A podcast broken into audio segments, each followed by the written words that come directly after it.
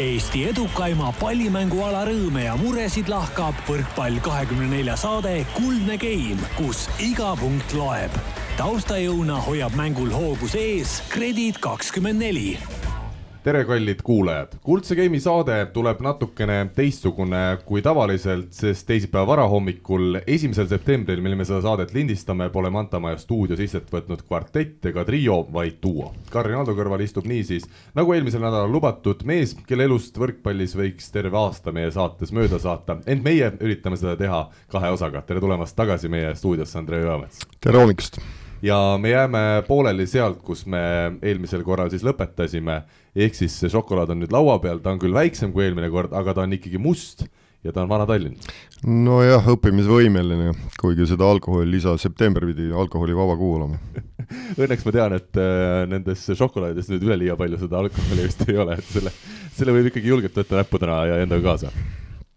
Andrei äh,, meil jäid mõned teemad eelmisel nädalal puudutamata ja selle kahekõne alustuseks tuleksin ma tänasesse päeva, mil sa juhendad Audentese spordigümnaasiumi võrkpallitüdrukuid. kuivõrd erinev nüüd see amet on võrreldes Eesti naistekoondise või näiteks Tartu naiskonna treenimisest? no see on ikka natukene teistsugune maailm, et mul on hetkel täna küll tunne, nagu läheks esimest korda esimesse klassi, nii et koolis pole kunagi töötanud, nii et äh, võrkpall jääb muidugi võrkpalliks, aga muu asi, kõik see on äh, kindlasti väga-väga teistsugune. et see keskkond, kus nad õpivad ja mis koormus nad ko-, kokkuvõttes äh, peavad nagu äh, välja kannatama, sest see on ikka oma, omaette elu kindlasti, see, kes on seda läbi teinud ja edukalt läbi teinud, võiks sellest nagu rohkem rääkida, sest mina nagu ütlesin, et mina siin, äh, saamasin kolm uut õpilast, Audentses tuli võrkpallitüdrukute osakonda, siis mul on, ma pakun, samasugune tunne nagu nendel, väike ärevus sees. aga kas sa midagi sarnast oled oma elus teinud treenerina? no eks ma noortetreener on ka olnud, aga väga-väga lühikest aega, et äh, sisuliselt äh, kui ma tulin peale ülikooli, siis ma Äh, natukene asendasin Johannes Noormägi ja pärast, kui tulin sõjaväest tagasi, siis ma töötasin seal kuskil aasta aega äh, tütarlaste grupiga, eks et ja siis peale seda alles nagu läksid nagu peaaegu nagu täiega täiskasvanute peale, siis mõned korrad lihtsalt oli episoodiliselt, kus äh, ühele või teisele noortekoondisele äh, Äh, käinud abiks või üks, ükskord muidugi, et siis on kadunud kuulust meie treener Raimond Pundi, noh, kas ta ei tahtnud äh, võtta seda pikka reisu, oli ka vanem mees juba, et sinna Valgevenesse, siis äh, pidin nagu tema asemel sinna Balti matšile sõitma ja ja noh, selliseid momente ikka oli kokkupuuteid. Äh, kui me nüüd räägime naiste treenimisest ja tüdrukute treenimisest, sa oled täna siis umbes kuu aega Audentse tüdrukutega tegelikult juba tööd teinud, äh, isegi vist natukene peale, kui me võtame siin koondise perioodid juurde või? Äh, nojah, meil see asi hakkas kuskil seal võib-olla juuli keskpaigaks ja siis äh, käisin jah, kaks nädalat seal äh, Max Bruini, selle Itaalia noortetreeneri abiks ja ja siis pärast ka mm, laagrid, mis seal Paidesel oli, tulid nagu juurde, eks ju, ja siis äh, kolmandast augustist me oleme siis Audentese neidudega teinud siin kolm nädalat ikka treeninguid juba. No kui palju siis see kõik on erinenud, ma tulen selle esimese küsimuse juurde tagasi, et äh, kas see, kui sa treenid äh, täiskasvanud naisi või kui sa teenid, treenid sedasi keskkooli tütarlapsi, siis see on hoopis teine maa ja see lähenemine peab olema ka hoopis teistsugune nojah, eks äh, need eriti vanemad, kes on juba seal viimane klass ja nii edasi, ega seal vaadates peale väga suurt vahet ei ole, kas äh, nendega, kes nagu seal juba naiskonnas mängivad, selge see. aga ärme unustame ikka, et nad ei ole veel inimesed, kes elaks nagu iseseisva elu ja nad on ikka, see on nendel viimane koolietapp veel, nii et äh, kindlasti teatud mõttes on asjad nagu teistsugused kui inimestega, kes on juba seal, õpivad ülikoolis või töötavad või on, elavad profielu võrkpallis. Äh, ei tasu unustada, et äh, koolis on ikkagi, koolielul ikkagi omad reeglid. oled sa karmim nende tütarlastega kui täiskasvanutega mm,? No minu jaoks ei ole siin vahet, äh, küsimus on see, et igas inimest tuleks nagu, igas mängijas tuleks eeskätt inimest näha ja teine asi minu jaoks on ikka väga tähtis see, et kuidas nad ise suhtuvad sellesse, mida nad teevad ja et eeskätt äh, mm, peaks väga lihtne arusaam olema, ega nad teevad seda seda, mis nad teevad, teevad enda jaoks, mitte minu jaoks. et äh, nende, nende keha on nende töövahend, kui nad suhtuvad sellesse kehvasti, siis töövahend on korrast ära äh,. ikkagi kokkuvõttes ega mitte ilmaasjata öeldakse, et äh, treenerid on teenindav personal, et äh, me oleme abilised, me oleme võib-olla suunanäitajad ja ega äh, kindlasti on võimalik äh, teatud inimesi ka natukene siin survestada ja nii edasi, aga kokkuvõttes ikkagi, kui inimene ei taha, siis inimene ei taha ja ongi kõik. kuigi sellised juhtumid, ütleme, mina omasin see aasta juba saab kolmkümmend kuus aastat treeneri, treeneri tööstaaži, siis äh, õnneks suht harva olen selliste asjadega kokku puutunud. kas nalja saab ka nendega teha? oih, kõikidega saab. Ja peab tegema? see käib ikkagi töö juurde ja sellise mõnusa oleku juurde? kindlasti lihtsalt see, et äh, üks minu meelest on see venekeelne ütlus, et äh, nagu et nagu nalja tegemiseks on tund, aga töö tegemiseks on päev, eks ju, et siis äh, see ongi see vahe, eks ju, et see nagu, kui see nalja tegemine hakkab segama sellist keskendumist ja töö tegemist, siis ega ta ei ole õige, aga samas äh, kindlasti see aitab sellist äh, noh, momentidel rutiinist ja väsimust välja tulla, et hea nali alati on teretulnud. kas on sul juba mingid tüdrukud välja ka kujunenud, kes teevad äh, alati ise ka nalja või, või tulevad äh, vastu mõne lausega? no seal on olemas selliseid jutupaunikuid jah, on küll ja sobivad nad sulle? noh, sellised inimesed alati teretulnud võistkonnas, nagu ma ütlesin, nad äh, aitavad leevendada seda võib-olla sellist rasket olukorda võistkonnas ja vahetevahel see on nagu seesama mõni raske treening ei olegi võib-olla mm, mingid tehnikad ja selge see, et see käib niikuinii käsikäes või füüsi, füüsise arendamine, ega seal on tihti läbi selle arendatakse just, just nagu vaimu, et äh, ega, ega trennis ei saa olla pidevalt ainult fun ja lihtne ja ega midagi teha ei ole, kes tahab tippu jõuda, peab läbi raskuste minema ikkagi. Noh, ma siin ühele noore, noorele mehele Tartus seal selgitasin ka kaks aastat ühte asja ja ma loodan, et on saanud aru, et küsisin ka, et kas, kui mäkke üles minekul on, kas iga sammuga läheb kergemaks või raskemaks, siis ta oli sellega päri, et mägedes on ikka vist käinud, et ütles, et jaa, üles mäkke mine, minnes läheb iga samm raskemaks ja samm lühemaks. no ega see täpselt samamoodi eluski, et kui sa tahad kuskile tippu jõuda, et äh, mida lähemale tipule, seda raskemaks need sammud lähevad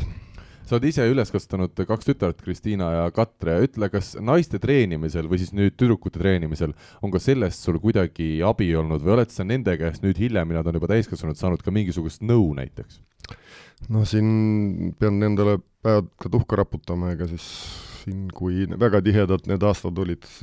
klubidega, koondisega, palju ma seal kodus olen olnud, eks ju. Aga no ma ei tea, see võib olla nende käest küsida, palju nad on seal minu käest midagi saanud, eks ju, aga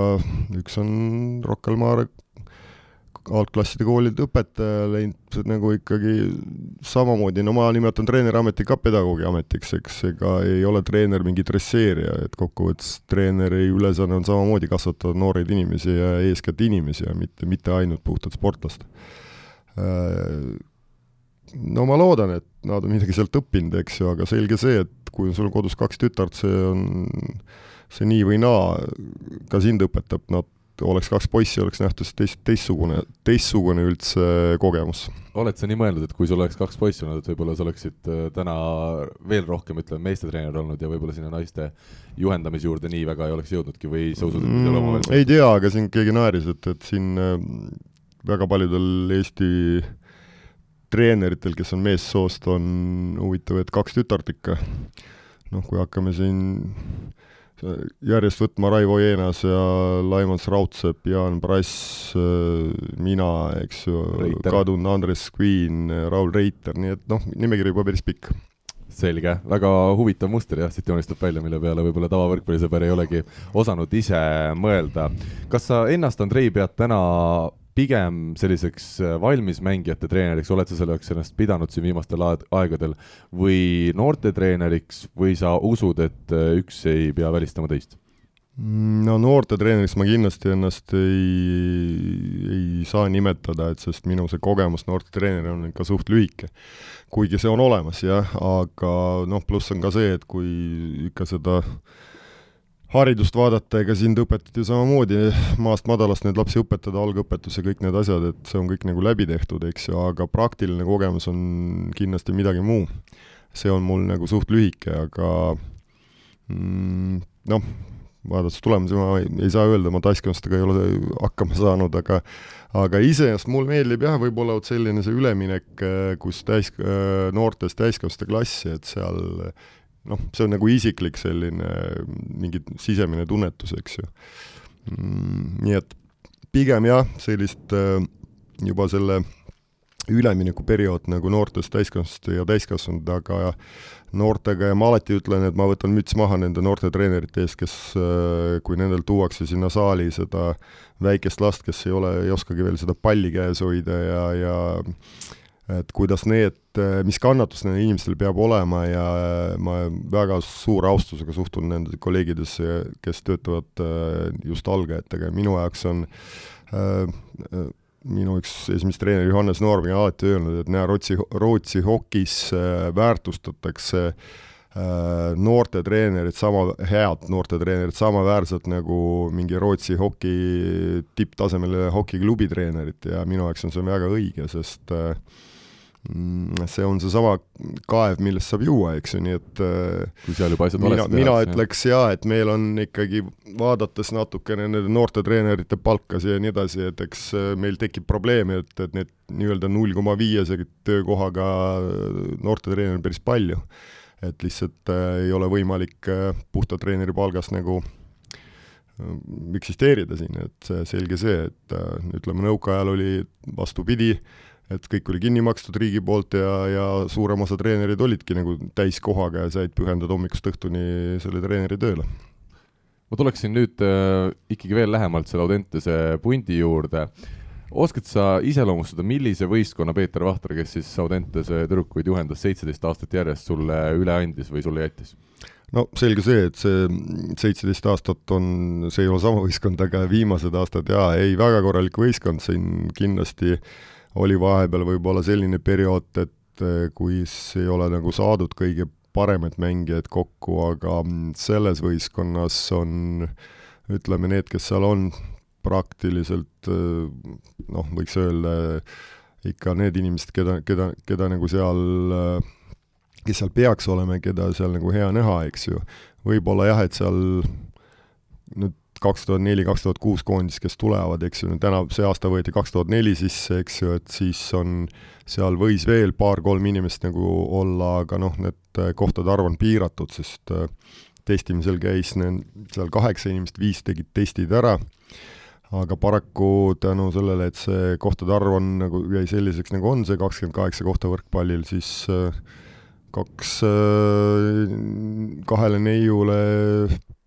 pidime ütlema, et ei ja ootavad võib-olla siis järgmist aastat.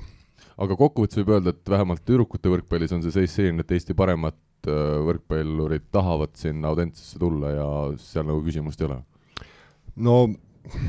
vaatan, ma pole veel alustanudki tööd, täna mul hakkab esimene ametlik tööpäev, eks ju, et siis no, niisugust veksleid välja anda ma nagu küll ei julgeks, aga eks väga selge see, et äh, noh,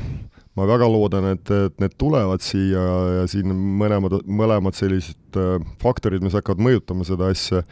üks faktor on see, et tervikuna tütarlaste võrkpall on tõusel ja tänu ka sellele võib-olla, et see Eesti naistekoondis on olnud edukas,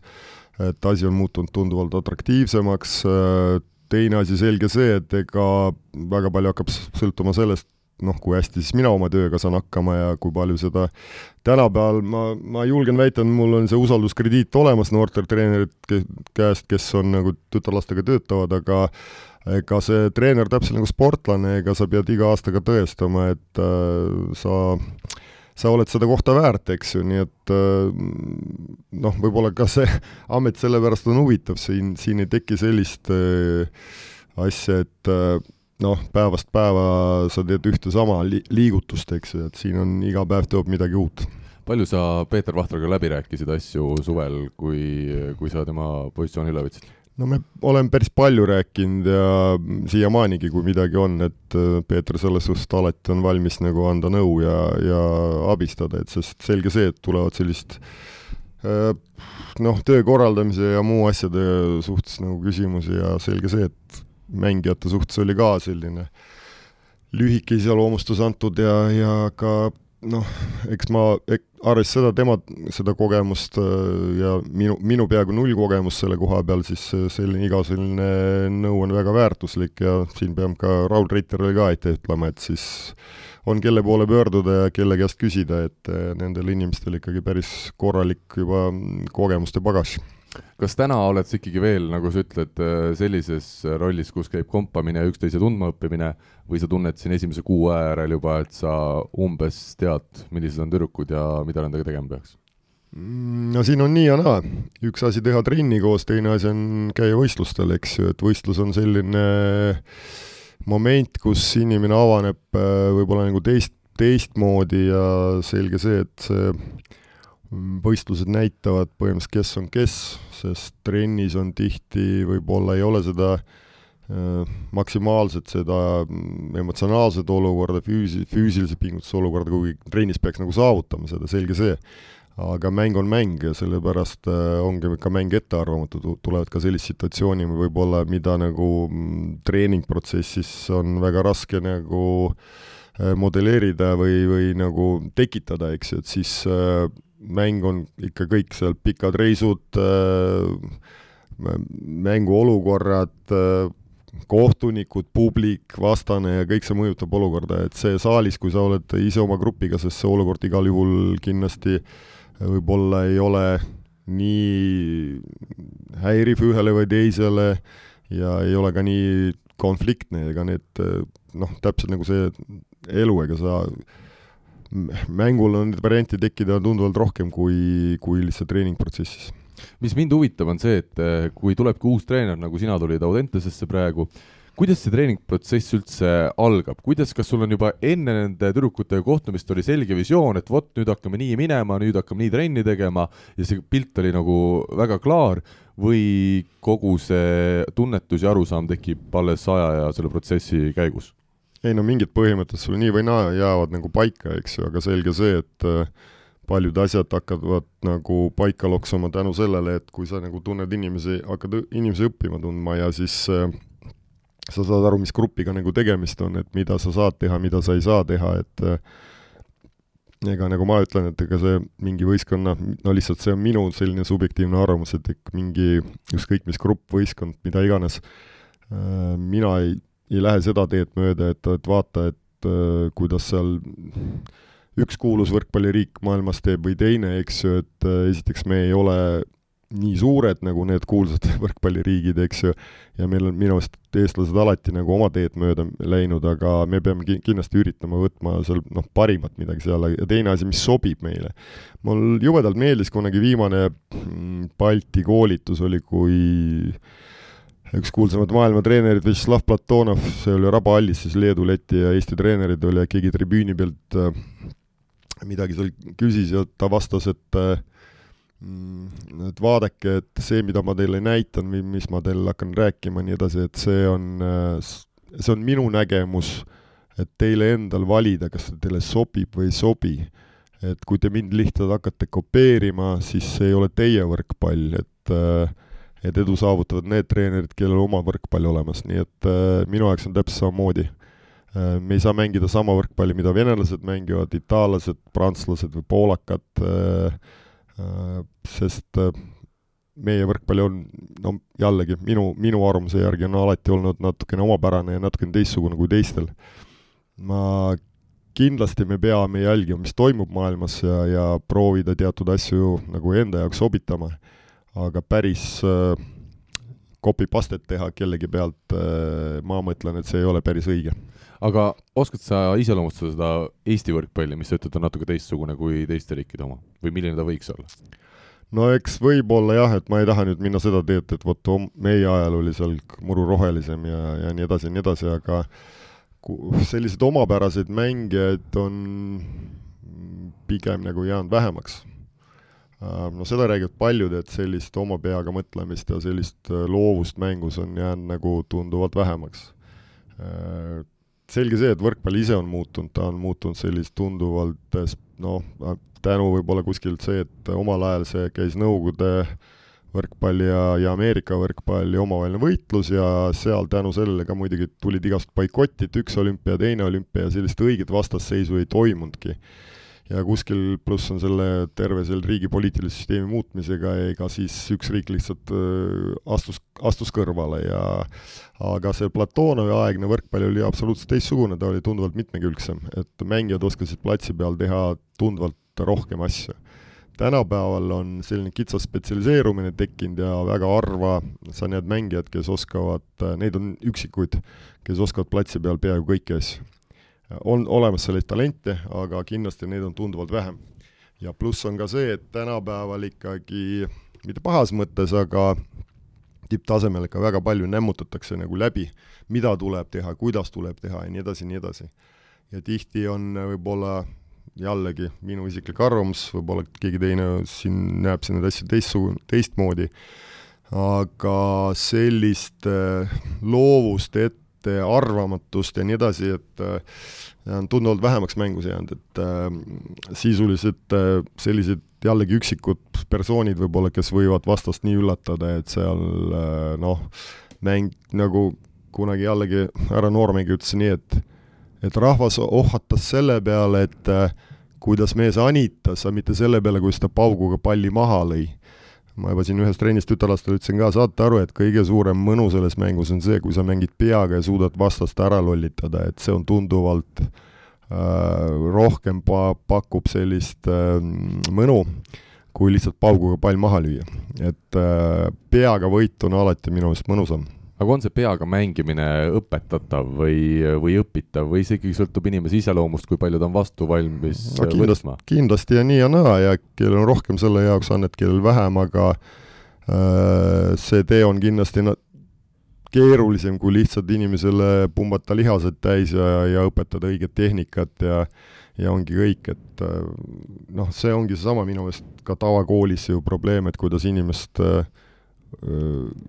ise hakkama saada elus, olla iseseisev, ise mõelda peaga, ise otsida lahendusi ja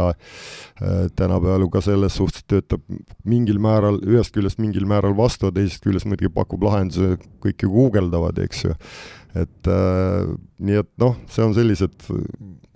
selge see, elu muutub ja sa ei jää, ei saa ju sinna jääda, mis oli viiskümmend aastat tagasi, et kohe kindlasti. ma tulen tagasi veel selle küsimuse juurde, mis mul see kogu asja tuum oli, et kui sa siis Audentesse tulid või, või nüüd hakkad siin ka septembrist äh, edasi töötama tütarlastega, on sul selline kindel visioon, kuidas see treening välja näeb või see on aastatega kujunenud, et sa tead juba, millises hooajafaasis millega tegeletakse ja sõltumata sellest, kas sul on seal koolitüdrukud või on Tartu Bigbanki mehed, äh, see ülesehitus on ikka sarnane? ei, siis äh, no esimesed kogemused juba, kus pole veel mängimagi hakatud, aga juba hakkab kalendriga, no ma olen enne, enne sellest ka nagu siin kuulnud ja treeneritega rääkinud, aga Äh, planeerida kuskil seal äh, spordikoolis või, või klubis on tööd tunduvalt lihtsam, sest siin on esiteks, Audentese võistkond on ju põhimõtteliselt ka nagu põhim-, koondise põhimõtteliselt kokku pandud võistkond, samas nagu need õpilased, kes seal on, peavad mängima oma koduklubide eest ja nii edasi, nii edasi. Äh, pluss nüüd selge see, et see võistluskalender nende jaoks muutub nii tihedaks, et seal peab hakata väga mm, noh, palju mõelnud, kuidas sa saad reguleerida seda koormust, nii edasi, et siin juba on üks variant näiteks, et äh, juba septembris, kus ei ole veel ametlikult mängigi, et näiteks äh, võib juhtuda nii, et äh, mõnel tütarlapsel ei ole ühtegi vaba nädalavahetust, aga kui nad treenivad niikuinii viis korda päeva nädalas, siis tuleb ka väga hästi aru saada, et ega neid noori inimesi ei saa ju niimoodi ära lõhkuda. et pluss on pluss on seesama osalemine siin Balti liigas, Eesti meistrivõistlustel, äh, mõni, kes siin nüüd liitub sellesama selle võistkonnaga, TalTechi, kes hakkab Soomes mängima, et see teeb kõik see planeerimine, treenimine ja nii edasi tunduvalt, tunduvalt keerulisemaks ja siin tuleb hakata lihtsalt jälgida neid, väga hea, kui nad äh, suudame siis tekitada sellist, et pidev tagasiside ja selline, et saaks nagu neid asju reguleerida. sest äh, ega kui läheks nii, et nendel ühtegi vaba nädalavahetust ja samas on nädala sees nendel ainult kolmapäev õhtu vaba ja reede õhtu vaba, siis on see koormus on isegi täiskasvanutel on liiga suur, et äh, ei ole nii suurt koormust äh,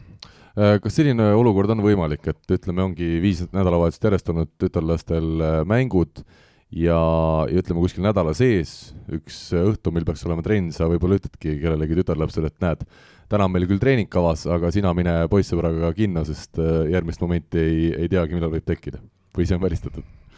no ma esiteks veel ei tea, kellel siin silmarõõm on ja kellel ei ole, eks ju, see on selline juba kõrgel tasemel usaldus, eks ju. Et äh, loodan, et kunagi seda teenin ära, aga aga pigem siin äh, need variandid, mis on, siin tuleb mõelda nagu eriti peale mingi nädalavahetuse mänge, eriti kui nad veel tulevad mingi äh, Mm, on need A-klassi meistrivõistlused, karikavõistlused või B-klassis, kes veel osa mängivad, et äh, kui nad seal mütavad kolm päeva, reede, laupäev, pühapäev, ja nemad on reeglina need mängijad, kes oma võistkonnas hakkavad saama kõige suurema koormuse, no selge see, et äh, ma pean talle andma hingamisruumi, et äh, küsimus see, et kui esmaspäeval on seal küll kaks treeningut,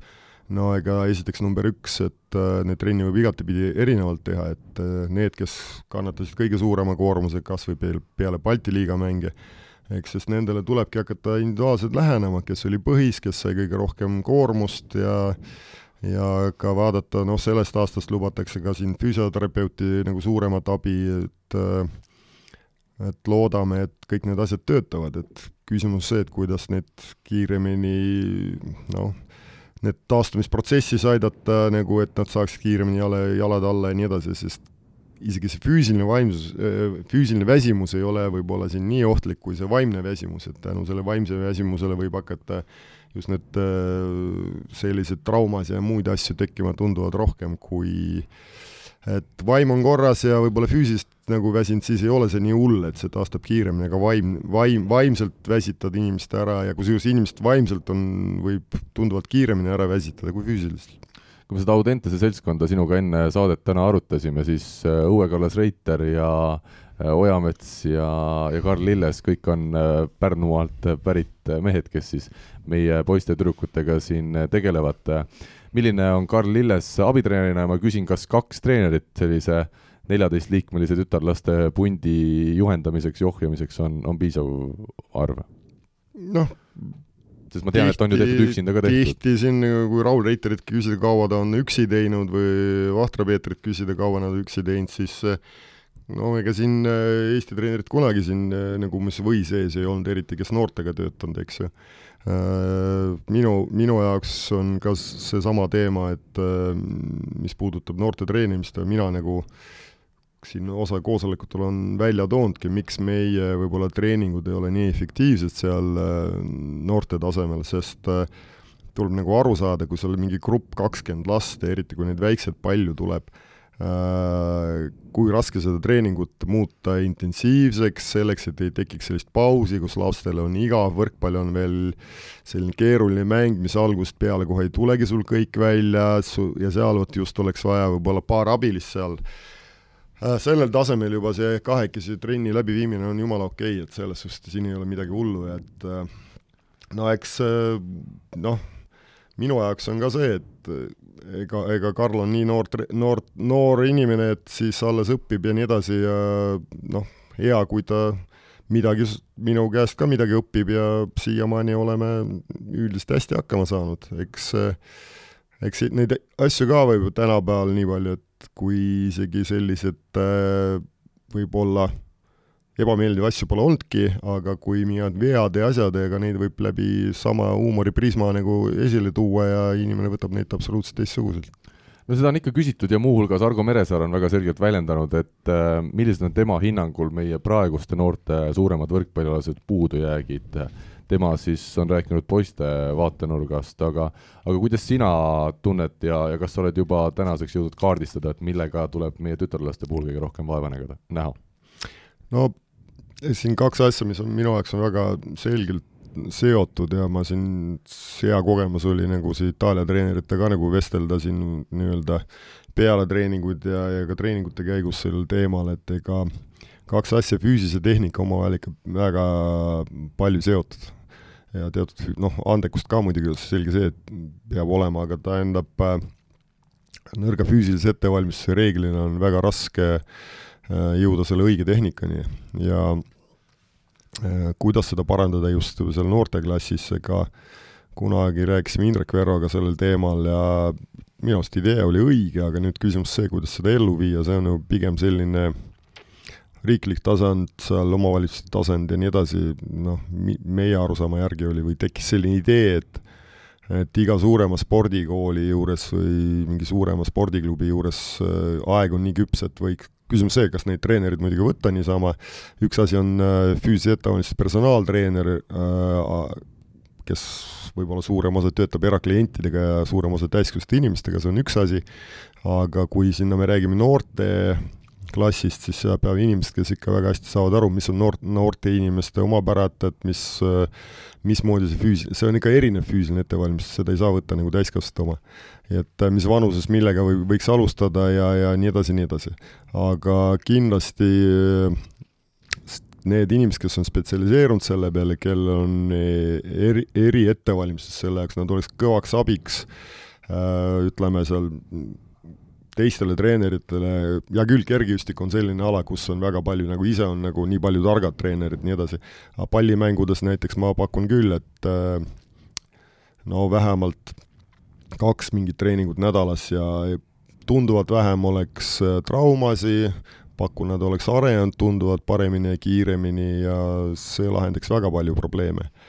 Äh, on, olen siin natukene vaielnud ka ühega või teise treeneriga, et ütle, et ma ei hakka ohverdama siin oma pallitreeningu selle jõutreeningu jaoks, aga samas äh, ei ole vajagi ohverdada, üks variant tehke pool palli ja pool, pool jõudu, jagage grupp kas või pooleks, eks ju, keegi ei ütle, et nad peavad kaks tundi lõhkuma füüsilist treeningut. aga jällegi, see on selline minu nägemus ja et siin äh, ma tean, et osa treenerid teevad ja noh, selle poole peal kindlasti kiidan Merle Keerutajaid Viljandit, kus ikka tüdrukud tulevad, kus on näha, et nad midagi siin jõusaalis ikka oskavad ja teevad, eks ju mm,. selliseid kohti võiks rohkem olla ja fakt on see, et äh, üks nõrgemaid kohti selle poole peal ongi meie see tütarlaste puhul, et kui see füüsise pool meil areneks kiiremini ja paremini, siis oleks äh, ka seal täiskasvusklassi jõudmise puhul oleks äh, noh, ma, see pilt oleks teistsugune, sest äh, oli asju, millal siin noh, minu koondise ajal, et kui sa võtad kedagi koondise juurde ja siis nad on esimest korda näevad seda õiget pidi, seda kangi, siis siis tekib küsimus, mida nad on siiamaani teinud, eks ju, nii et äh, minu jaoks on suht selline võtmeküsimus. Räägime ja võtame välja prääniku ka, ütle, mida need äh, autentsed tütarlapsed hästi teevad, millega nad on sulle jäänud silma, et vot see tuleb hästi välja või, või see on juba paigas noh, et äh, ei taha nagu enneaegselt kiita, ma olen üldiselt äh, suht kitsi selliste asjadega siia nii lühikese perioodi puhul, aga mis ma nendele siin juba selle kolme nädala jooksul ütlesin nendega, suhtumine on meeldinud ja tööd nad viitsivad teha, noh, selge see, et siin algus uus treener ja siin Itaalia treenerid siis lõid sellise võib-olla selle emotsiooni ka üles, eks ju, ja aga siiamaani ma olen rahul, et kui me saame selle, selles suunas nagu edasi minna ja eks need mängud hakkavad ka midagi näitama äh,, eks näeb, et täna korra siin istun poole tunniks maha ja räägime elu põhimõtetest, aga kuigi nad on osa kuulnud, aga alati öeldakse, et äh, kordamine on õp-, õppimise ema, nii et kordame mõningad asjad üle selge, äh, meie aga siit võtame ette tänase teise rubriigi. küsimusmängu toetaja on teamshield.com oma disainiga spordi ja vaba aja riided. eelmisel nädalal siis uurisime, et äh, kui pikki aastaid oli Andrei Ojamets Pärnu meeskonna peatreener oma esimesel perioodil, õige vastus tuhat üheksasada üheksakümmend kuni kaks tuhat üks ehk siis üksteist aastat ja meil oli täpselt üks inimene, kes teadis seda õiget vastust, pakuti küll vähem ja pakuti rohkem, osad lausa arvasid, et äh, Andreis olid ainult kolm aastat seal järjest. aga, aga pakkumised on sellegipoolest alati meil teretulnud ja, ja ainus õigesti vastaja siis Karl Maidle. nii et palju õnne Karlile! Kas Andreil on siin midagi? ma ei tea, kas istus arhiivides, palju õnne ma arvan ka, Karl kindlasti, ta ju meistriliiga klubiga siin liitunud ka veel ei ole, et need õhtud ongi vabad veel hetkel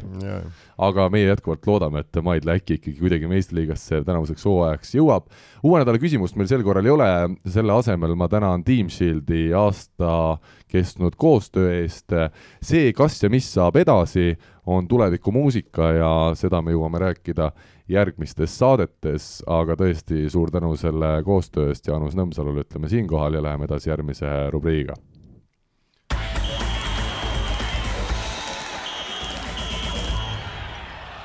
Andrei, kui tohib äh, seda teist saate osa alustada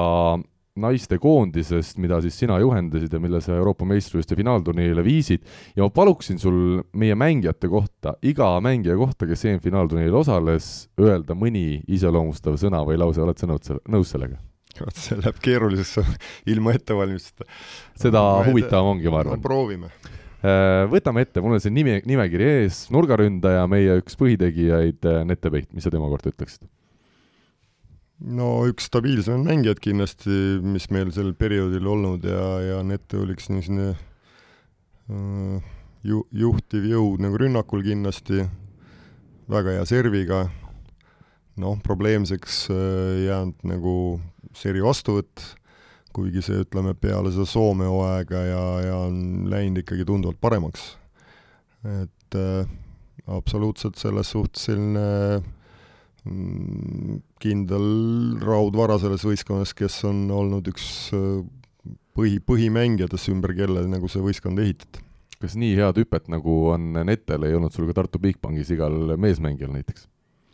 no raske võrrelda, aga jah, ega noh, nii palju kui teada, et siis Nete on tegelenud seal noores peas ka kergejõustikuga, eks see jalad sealt alt tulidki, nii et selge, läheme edasi, nurgaründaja libero Anu Ennok. noh, minu ajal Anu praktiliselt liberoga peaaegu ei mänginud, eks ju, aga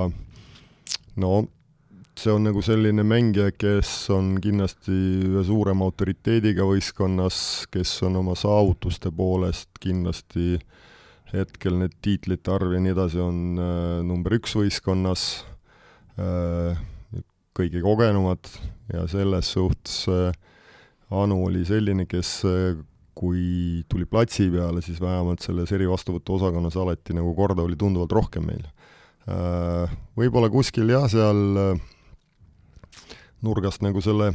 puhtalt selle pikkuse, tänu pikkusele ja nii edasi, Euroopa omadel jäi nagu võib-olla sellest jõust nagu puudu, aga samas äh, ülearvamine ta teeb nagu selliseid lollusi, eks ju, et aga ta ei saagi teistmoodi sellise pikkuse juures, seda rohkem sellist mängijat peavad nagu pead kasutama, nii et Äh, kindlasti on selline, ütlen peale sidemängijat, ma panen kohe, kes kindlasti on äh, seal esimese, esimese kahe hulgas, kelle ümber see võistkond seisis. meie kolmas põhinurgaründaja oli siis äh, EM-il Kristiine Miilen no Kristiine tähendab selle perioodi all võib-olla see elumäng, mis ta tegi ja, ja üks, vot seal ta oli kindlasti selle oma panuse poolest no ka selline äh, Äh, selline väga-väga arvestav figuur ja see emotsioon ja kõik, mis ta võistkonnale kinkis, oli see võit Tšehhi üle kodus peale sellist rasket seisu, kus Tšehhis saime null kolm ja see oli minu jaoks on see, kus nagu meil reaalselt tekkis nagu usk ja ja me saime aru, et äh, kõik võimalik. sest oleks me seda mängu kaotanud, siis ei oleks mitte midagi põhimõtteliselt. Äh, selge see, et EM-finaalturniiril see panus jäi natukene tagasihoidlikuks, võib-olla see on ka selline, ta on väga emotsionaalne inimene, samas väga hea suure südamega ja võib-olla kuskil äh, natukene need emotsioonid käisid üle pea ja, ja ta ei saanud nagu iseendaga hakkama, aga iseenesest äh, võistkonna mõistes selline positiivsus, mida see inimene annab võistkonnale ja et äh, no nemad nagu Kertu Laagiga kaks sellist inimest, kes seal võistkonnas, pluss veel pane sinna Hanna Pajula, selline Bermuda kolmnurk, eks ju, et kuldne trio. kuldne trio, jah, selle, selle võistkonna kuldne trio kindlasti. Äh, kas Miilanil on äh, potentsiaali, Annet, jõuda Euroopa tasemel täiesti tippu? No ta ei ole ka, ütleme, sellise oma pikkuse poolest ju meil nagu sisuliselt äh, sellist mingi väga pikkaid nurkasi ei ole nagu, ega põhimõtteliselt ega võta meestekoondis ka, ega meil seal üle kahe nurkasi nagu väga ei paista kedagi. et siin on teema ka, et seal tema mängus ikka väga palju loeb see, et äh, ta oleks äh, seda agressiivsust tal on, aga see agressiivsus tihti kaob ära, kui tal kaob eneseusk ja, ja ta hakkab liiga palju oma vigade peale mõtlema. Aga kindlasti ta on võimeline seda tegema ja, ja ta puhtalt füüsiliste eelduste poole pealt äh, ta on kindlasti üks füüsilises mõttes üks tugevaid mängijaid võistkonnas ja töö, töö ja töö, et see on, see on üks väga ta-, äh, lihtne valem siin sellel teemal meie koondise üks servivahetusi uuest hooajast siis esmakordselt välismaal Soome kõrgliigas mängima asuv Ingrid Kiisk. no see, et ta tegi nii julge sammu, et see selles suhtes äh, Inksu eest müts maha ja ja väga suure huviga ootan, kuidas ta seal, kuidas tal Soomes hakkab minema, hoian, hoian tal pöialt ja aga ühe parema serviga äh, mängija küll, sest äh, tema ja Hanna Pajula, kaks inimest, kellel olidki selline rollimängijad sellel turniiril ja ja, ja, terve see etapp, eks ju, kes meid ikkagi otsustel hetkedel tulid ja külma närviga lõid neid ässasi ja tirisid meil rasketes seisudel seal äh, nagu välja, eks ju, et äh, kindlasti, mis vajab sellist äh, mängu parandamise oskust või, või üks, üks mänguelement, kui siis ta oleks väga väärtuslik mängija, on äh, seesama seri vastuvõtt, et kui ta sealt nagu veel lisaks juurde ja tal oleks, asi läheks veel paremaks, siis no igal juhul igas sellise meie tasemel võistkonna ja nii edasi kindlasti väga vajalik mängija. meie viimane nurgaründaja Hanna Pajula? No nagu ma ütlesin, Hanna on selles suhtes huvitav selline, kui inimene tuleb võistkonda ja kõik võtavad teda praktiliselt peaaegu kohe omaks, eks, aga tema kõva pluss on see, et ta ise on äh, väga selline äh, samamoodi suure südamega inimene ja selline, läheb kohe kontaktile, ta on väga heatahtlik, eks ju. Ja noh, selle poole peal, et see, et seda teed, mis tema võttis ja julgelt läks sinna Belgiasse, alustas kuskil seal altpoolt, nüüd on nagu suutnud üles tõusta, et see näitab, et ta on te-, teinud teatud arengut, eks ju. See suvi ma nagu suht vähe olen teda nagu näinud, eks ju, kahju ta on seal, selle viimaste mänguste nagu haige oli, eks ju aga sama teema, no näiteks seesama, mis ma rääkisin seal kolm-kaks Tšehhi mängus, sest tema oli see, kes tuli oma servidega, tõid me seal, kas üheksa kolmteist oli see seis, et äh, seal me tulime järgi, eks ju. nii et äh, ka need mängud, mis ma siin vaatasin, kus ta tuli so-, soomlaste vastu, no üli efektiivsed, ma ei ütle efektsed, aga üliefektiivsed sissetulekud olid, sest väga head servid, kohe raskete pallide ülestoomine kaitses ja no ta on selle iseloomulist võitleja. ta on nüüd saanud võib-olla nagu rohkem, no tundub kõrvalt, et äh, tundub, rohkem sai oma sellise pea ka nagu kontrolli alla. võib-olla ka sellepärast ta on nagu juba platsi peal tegutseb äh, rohkem läbi, nagu mõtestatult no käivad jutud, et äh, kui teised lähevad ühe spordivõtiga laagrisse, siis Anna läheb kahega, et ühes on spordiasjad, teises on need lauamängud. kas sina, Andrei, oled pidanud ka neid lauamänge tüdrukutega mängima äh,? korra või kaks olen küll jah vist, aga jah, see on selline seal põhi, sellise organisaator tundub, et seal on see, kus ikka, kui mingi see, mingi seal äh, laua ümber istutakse, siis kui see tegevus käib kolmandal korrusel, siis Hanna häält kuulda on ka esimesel, nii et kui liiga emotsionaalseks läheb, minnakse selge, aga meie läheme temporündajate osakonna juurde, võtame esmalt Liisa Peidi mm,. tähendab äh, huvitav selline inimene, kes nagu, ma ei tea, väliselt vaatad ja niimoodi ülirahulik ja selline väga harva näed, et oleks nagu, oleks mingi närvis ja samas nagu ei näe, et oleks nagu äh, noh, ta näitab, minu meelest ta nagu jubedalt äh, nagu elab endale sisse neid asju ja väga paljus momentides, kus oli samamoodi, vaatad nagu sellise parameetrite poolest ei ole nagu mingi ülemõistuse esimese tempo kohta, aga olnud meil äh, väga paljus mängust ikka väga kasulik, sest äh, no üks kindlasti noh, nähtavasti Julia Mõnnakmäega nii palju sisse mängitud selja taha tõusev, et mida väga paljud ei tee, aga temaga see on töötanud lihtsalt suurepäraselt ja äh, tundub selline nähtamatu inimene, aga kui ta tuleb platsi peale, ta alati teeb oma asjad väga ausalt ära, et äh, eks neid mänge oli nii ja naa, eks ju, see üldse kolm temp-, tempoosakond on olnud võib-olla jah, platsi peal Liis Kullerg on nagu rohkem olnud, aga kõikidel nendel, kuidas öelda, olnud äh, äh, need kõikumise tõuse võib-olla Euroopa finaalturniiril ta oli nagu natukene vähem platsi peal kui teised äh, tempod, aga iseenesest ma äh, ma, ma hindan nagu tema panust kohe kindlasti kõrgelt, sest no praktiliselt iga mängija, sest minu jaoks on, need kõik tegid sellise asja, mis äh, vajas võistkonna ja inimestena en-, eneseületamist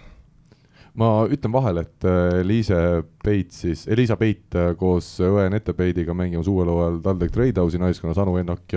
ilmselt Luksemburgis, Kristiine Miilen Prantsusmaal ja Kiiskist sai räägitud, tema on siis Soomes mängimas ja Pajula on juba siirdunud Belgiasse. võtame järgmise nime temporündajatest, Liis Kullergan mm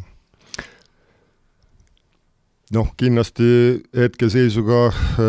äh, nüüd Euroopa finaalturniiri ma ütlesin, et tema oli üks nendest, kes minu jaoks tegi ühe kõvema turniiri selle aja jooksul, mis mina olen näinud ja nagu õigel ajal õiges kohas. Äh, eks äh, mm, tundub, et Liis, no kui ma nägin teda Eestis kunagi, kui ta veel Audentes oli, siis võib-olla ei jätnud sellist äh, noh, mm, suurt muljet, aga nende aastatega, mis ta seal USA-s oli, seal kõva, tundub sellist kõvat arengut tehtud, pluss on see, et äh, ta nagu konkreetselt võttis ette oma selle profikarjääri ja, ja läheb nagu tunduvalt nagu sellist järjepidevalt ühes suunas, tal on mingid eesmärgid selged, hea meel, et ta sai nüüd nüüd sellise äh, ko-, korralikusse klubisse ja seal võib-olla toimub veel sellist arenguhüpet. mõtlen vahele siis Lorenzo Micheli võistkonnas, Le Cannet või kuidas seda iganes no üks paremaid läbi Prantsuse naiste võrkpalliklubis ajaloos, kes on Champions League'atki võitnud ja nii edasi ja seal minu arust Dima Pašitski mängis ka Cannes äh, meesteklubis ja ta ütles, et äh, mehed seal naisteklubi kõrval lähedal ei istu. Jah, ja kindlasti sellise rünnaku võimsuse poolest, võib-olla sellise füüsise poolest, et noh, esiteks ka need äh, mängija parameetrid juba sellised, mis annavad rahvusvahelise mõõdu välja, eks ju, ja selle poole peal kindlasti Liis oli üks kindlamaid põhikoosseisu mängijaid ja on kandnud suurema, suurema koormuse selles mängus. Eliise Hollas nüüd siis, kes pikkade aastate järel on Prantsusmaalt tagasi kodumaal äh,? Väga tasakaalukas mängija, väga töökas ja,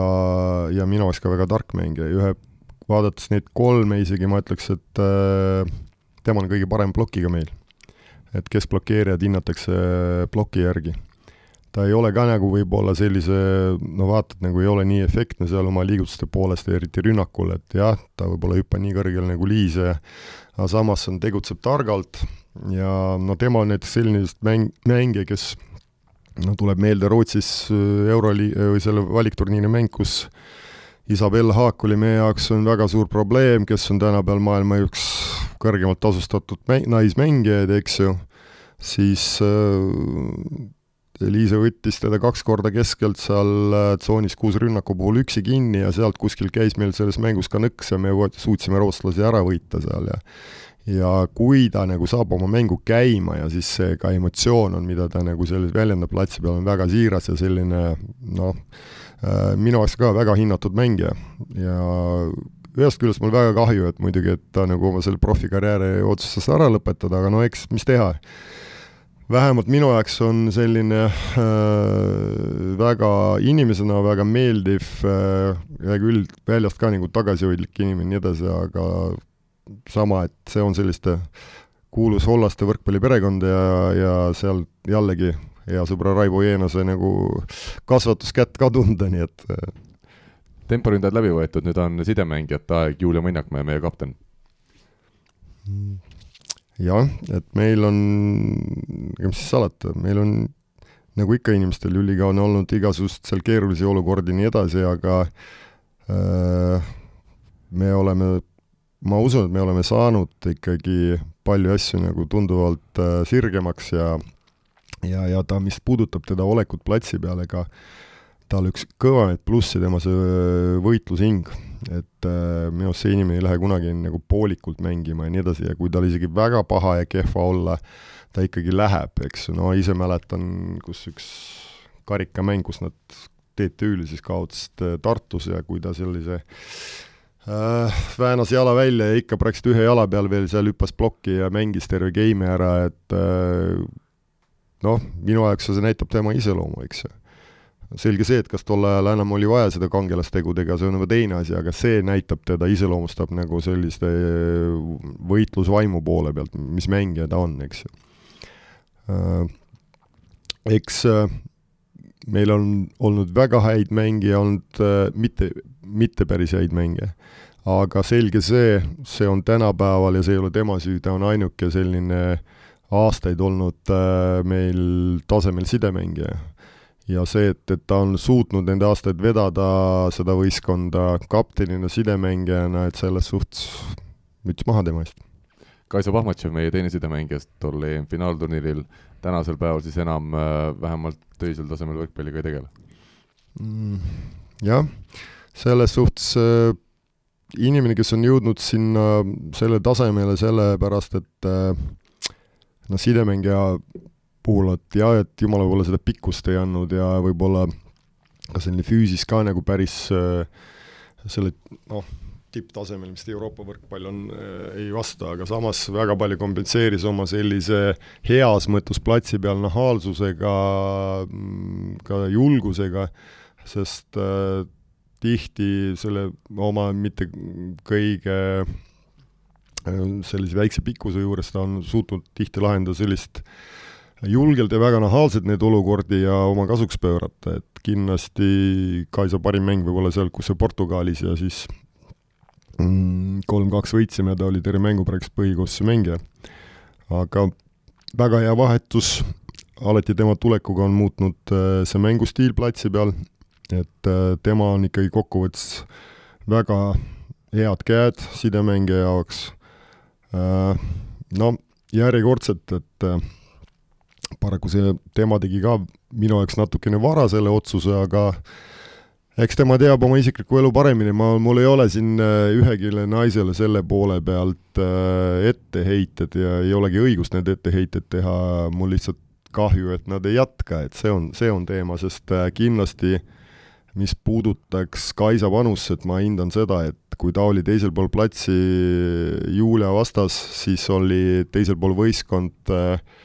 oli võib-olla siis pakkunud põhikoosseisule konkurentsi rohkem ka treeningutel nii edasi, see oli tree-, tõstnud treeningtaset ja selle poole peal alati ütlen, et kui mängijad tunneb, et ta ei ole kasulik, siis see ei ole nii. et tema panus oligi suures laastus, et tema kindlasti ja võib-olla nagu temporündajatega, kus on tema võib-olla natuke kõvem külg, kus ta tunneb, ta mängis nagu julgemalt. diagonaalründajad ja esiteks Kertu Laak nojah, Kertu Laak, Kertu Laak, noh, see on nagu meie Robert Täht tänapäeval, eks ju, siin äh, naiskonna jaoks äh, löögivõimsuse poolest nii edasi ja no siin viimane mäng, äh, uudis Itaalias, no super uudis ja palju õnne Kertule, et selles suhtes äh, väga hea meel oli lugeda ja neid numbreid vaadata, et selles annaks Jumal, et äh, nagu öeldakse, ta ootas võib-olla oma hetke ära ja, ja tegi supermängu ja läbi selle võib-olla nüüd aina rohkem tekib neid võimalusi sinna platsi peale saada, et äh, treenerid hakkavad rohkem usaldama, annaks jumal. Ja kui Kertu tuleks nagu sinna jaanuarisse ka sellises vormis, no siis äh, ainult tuld ja edasi äh,. Kindlasti mis puudutab sellise noh, töökuse poole pealt äh, sellise ausa suhtumise poole pealt, väga intelligentne mängija, kellega on alati õudselt mõnus rääkida, et selles suhtes, nagu ma ütlesin ka veel, sellise, selles kolmikus, kes loovad seda tuju, eks ju, nagu sa ütlesid, kuldne trio üks andekamaid mängijaid tänapäeval Eesti võrkpallis ja tõesti sellise rahvusvahelise juba parameetritega mängija. et äh, areng on olnud ainult praktiliselt tõusuteel äh,, väga harva nii asjad käivad, aga annaks jumal, et ta püsiks tervena ja selles suhtes äh, minu jaoks on kindlasti mm, muutumas iga aastaga ainult rohkem ja rohkem võistkonna liidriks, kohe kindlasti kas Kertu on järgnevad kümme aastat Eesti koondise põhiründaja? noh, seda hea, et see ei oleks nii lihtne tema jaoks, sest äh, teretulnud konkurents, eks ju mm,. ütleme nii, et võib-olla sellest konkurentsist kuskil siin mõni, mõni aasta jäigi nagu puudu, eks ju, et eks meil siin oli probleeme, sest äh, Kadi Kullergan oli tükk aega vigastatud, vigastatud, ei suutnud äh, kahjuks sinna ka Euroopa finaalturniiriks nagu saada need jalad alla. et siis me pidime seal vangerdusi tegema Kristel Mooriga ja et äh, jah, et minu jaoks on ikkagi tänapäeval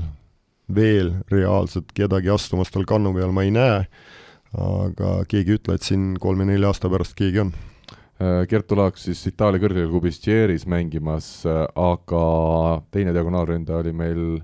äh, Moor, kes siis ka tänasel päeval enam tõsiselt võrkpalliga ei tegele, mis sa tema kohta ütleksid? no mina nimetan Kristel Muur, et Muurist mul kõige rohkem kahju, sellepärast jah, muidugi inimene võib-olla sai oma isiklikku elu korda ja kõik on hästi ja selle pealt mul on ainult suur rõõm tema üle ja aga Eesti võrkpalli jaoks üks kadunud äh, nüüd äh, väga andekas inimene, kes on kahjuks, ütlesin ta ka, talle ka, et äh, ta alahindab ennast. ja millegipärast ta ei usu endasse nii palju, nagu ta oleks vaja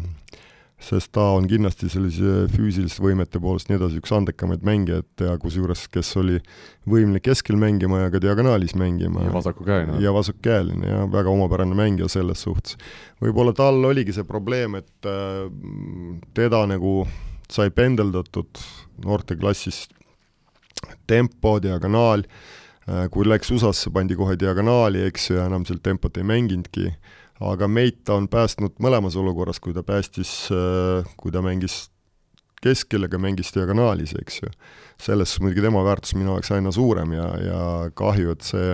profikarjäär ja, ja kõik see selline päris tipptasemel asi jäi nii lühikeseks. iseenesest kindlasti, vot kui tema oleks jätkanud edasi, siis oleks selline väga kõva konkurents seal diagonaali kohal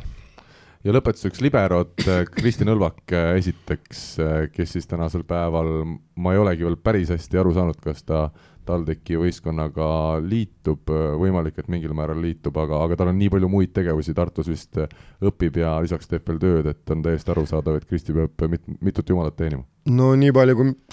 huvi pärast ka helistasid, tahtsin küsida, et mis siis on, et kas sa ikka mängid või ei mängi, ütles, et mängib nii et äh, kui midagi ei muutunud, siis mängib. Ja mul on siis hea meel, et ta vähemalt tagasi tuleb selle võrkpalli juurde, et äh, kui palju ja, ja kui palju tõsiselt ta saab seda teha, on juba küsimus talle, eks. Ju. sest selge see, et logistiliselt ja, ja niimoodi mm, seda on väga raske teha seal olles Tartus ja kui tal on nii palju neid ameteid, aga ta on alati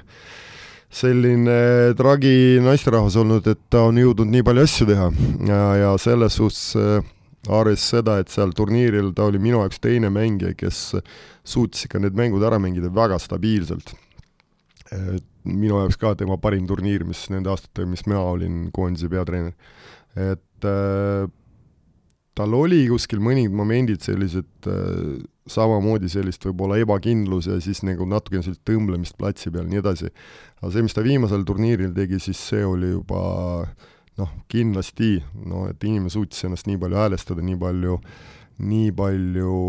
hästi mängida, et mina ütlen küll, et kui sa suudad kõige tähtsamal võistlusel mäng, sellist mängu näidata, see on pluss, olles amatöör kokkuvõttes ikkagi. mängida profide vastu ja olla amatöör ja näidata veel oma parima mängu, siis äh, ma ütlen, et ta on alati, ma, ma ei mäleta Kristit trenni või, või mängu ajal sellise mingi kurva näoga, ta oli alati selline rõõmsa näoga. et äh, vahepeal on küll, kus ta, kui võistkonnal ei läinud hästi ja siis ta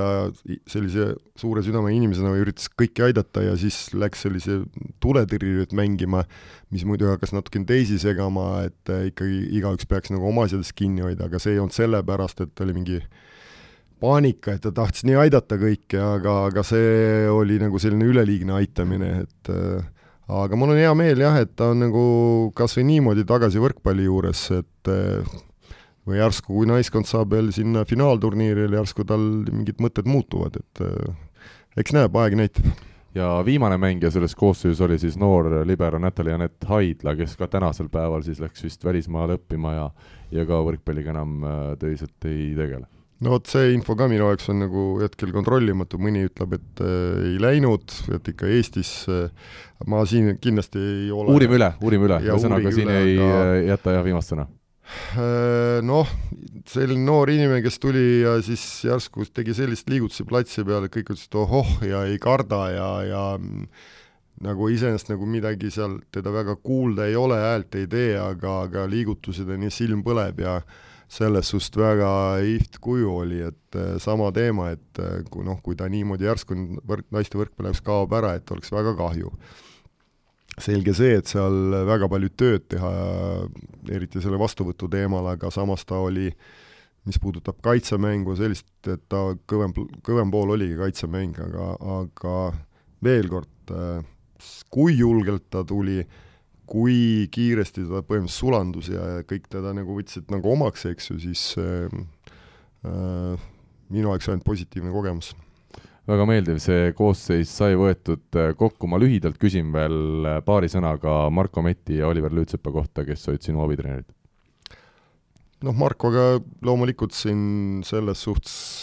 parem käsi, vasak käsi, kuidas tahad, eks ju, et minu jaoks on Äh, palju tihti temast nagu mõned ei saa aru, aga ta on selline musta huumori siin äh, viljeleja. ja muidugi Marko, palju õnne sünnipäeva puhul, et äh, jaa, palju õnne, Marko! jaa, et selles suhtes minu jaoks jääb selline suureks sõbraks elu lõpuni, nii et selles suhtes ähm, alati inimene, kellega annab ausalt rääkida, aga ta on, ülearve läheb nagu närvi, mõnikord tahaks, et ta oleks nagu emotsionaalsem, aga samas annab kõiki asju rääkida selline inimene, kes on nagu, kannatab ka tõtt, kui tal räägitakse, eks ju, ja, ja samas ta on ise valmis ka rääkima, et selles suhtes tõeline sõber. ja Oliver on no, kogemus ju veel Tartu ajast ja kuigi naiskonna juurde see tulek oli ka selline natukene üllatav, eks siin tekkis mõte, et ta siis tookord jäi kuidagi nagu ripakil ja mõtlesin, et miks mitte talle pakkuda seda võimalust ja pluss meil oleks ka nagu lihtsam, eks ju, ja ja kindlasti tema tulekuga saime ka sellist võib-olla, mitte võib-olla, kindlasti natukene sellist värskust äh, võistkonna juurde, eriti mina olen tänulik talle, kus ta aitas äh, sama selle äh, treeningtöös seal vastuvõtjatele, alati oli selline pealehakkaja trenni alguses, kus jälle võeti kaks-kolm vastuvõtjat, tehti eraldi seal nendega viisteist, kakskümmend minutit tööd ja ja puhtalt noh, sellist alati see, see mõttekollektiiv on ka selle poole peal sai nagu rikkamaks, eks ju. et Oliverile ka suuremad tänud ja et mul on nagu jube hea meel, et ta tookord nõustus. Äh, selge see, et ma näen ju, et tema prioriteedid ikka mehed ja no mis ta ikka, tuld. väga hea, aga meie veel siia tänase aga sa unustasid ühte inimest veel. Mihkel Sagar. et äh, Mihkel oli see, kes on võib-olla Eesti Võrkpalliliidus on siin kõige rohkem naiste eest seisnud ja, ja ka tänu kellele võib-olla siin e, ülipalju asju nagu naiste võrkpallis on ka muutunud eriti tema suur panus oli statistikuna, eks ju, ja ütleme, kui üldse algust peale, siis Marko Mett ja Mihkel Sagar, kelle, kellest nagu see asi hakkas pihta, et eks, eks äh, seal olid veel mõned inimesed, keda nagu nii hea meele, hea sõnaga mäletan, aga need olid äh, inimesed, kes võib-olla andsid kõige suurema panuse. aga saate lõpetuseks ma ei saa ikkagi minna üle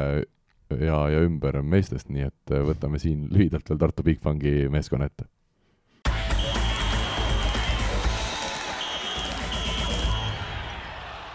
Andrei, kui me vaatame seda eelmise aasta Tartu Bigbanki võistkonda, kas seda oli kerge või raske ühendada, see võistkond oli selline ja on ka tänavusel hooajal selline väga erinev moodustis, kus sul olid Äh,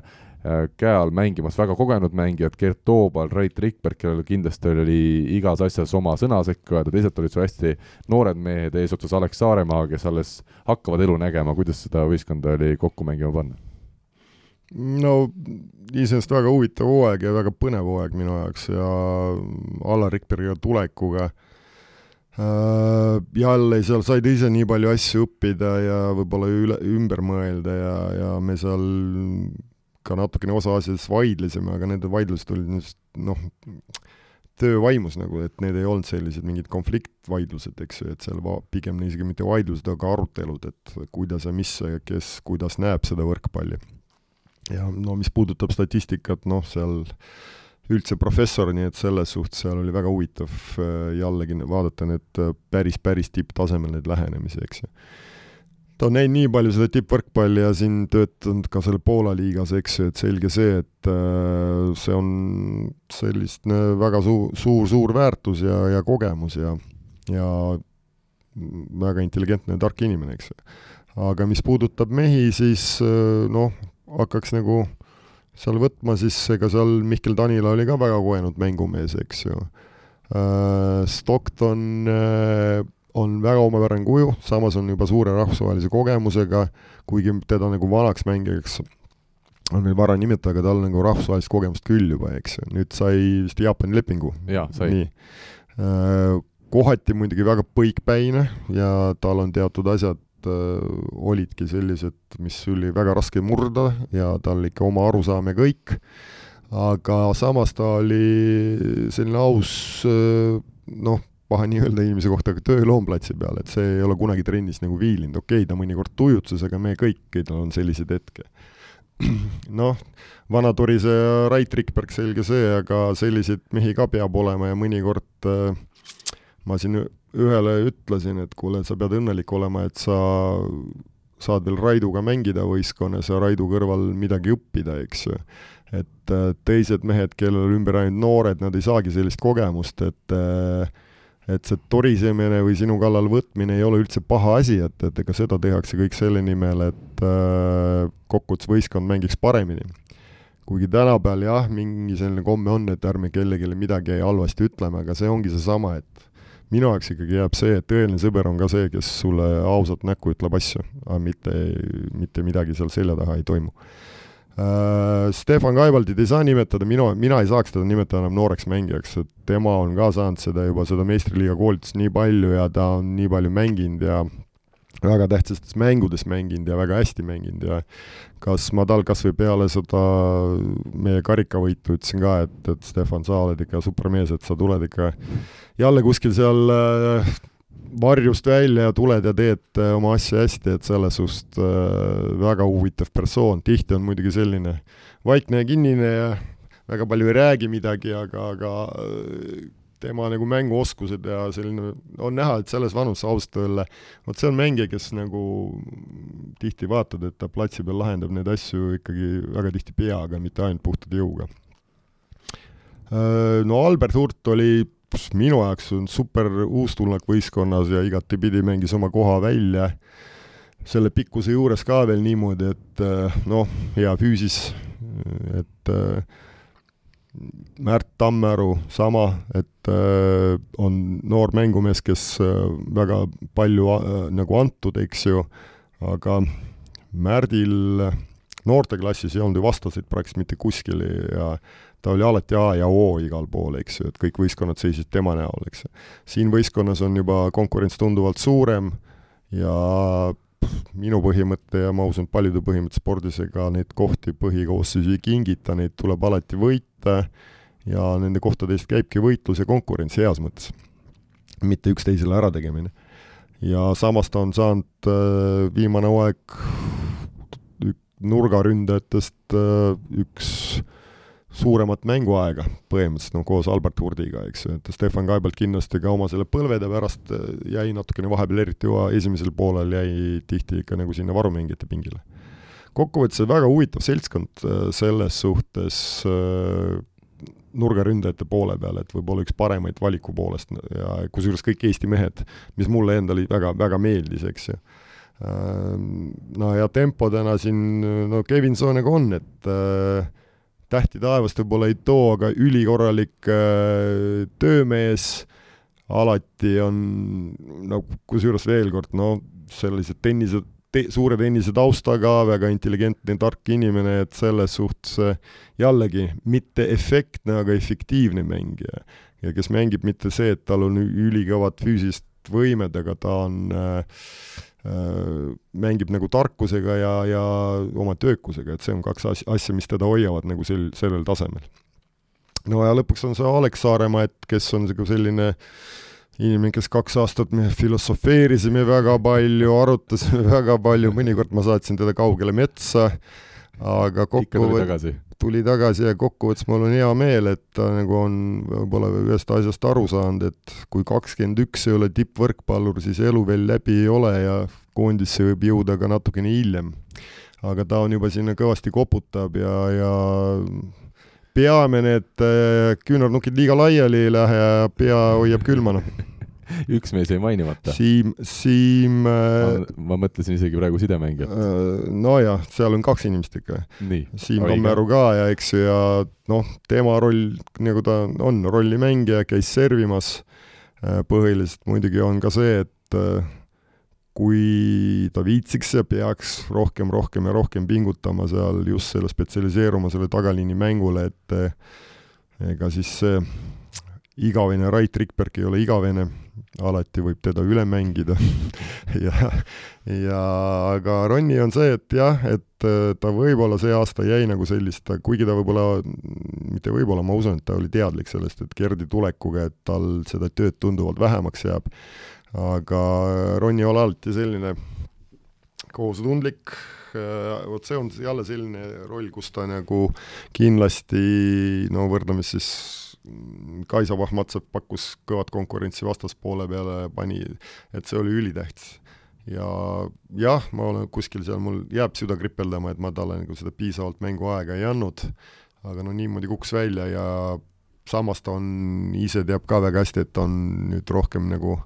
pühendunud perele ja tal on kõige toredad kaksikud, et selles suhtes äh, töö ka, pluss details suurem osa hommikust treeningust ta ei osalenud, nii et äh, noh, teatud mõttes on nagu loo-, loomulik. no ja ongi kaksikute sidemängijate duo teil, sest Gerdil ju nüüd ka kaksikud peres olemas. ei tea, kas nad leppisid kokku või mis sa Gerdi kohta ütled? no mis siin Gerdi räägib, Gert on Gert ja Gerdist on nii palju räägitud ja siin on väga raske midagi juurde lisada et äh, minu jaoks, kui siin omal ajal Aavo keel lõpetas ja nii edasi ja Aavo keelest kõik räägiti, et see järgmine persoon on, kes on, kui ükskord lõpetab ja ma ei tea, mis ta hakkab tegema muidugi, järsku läheb ka Aavo jälgedesse treenerite ametit pidama. aga selge see, et see on hetkel selline suur eeskuju ja teistele ja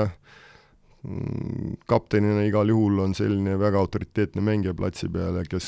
äh, väga suureks eeskujuks trennides on,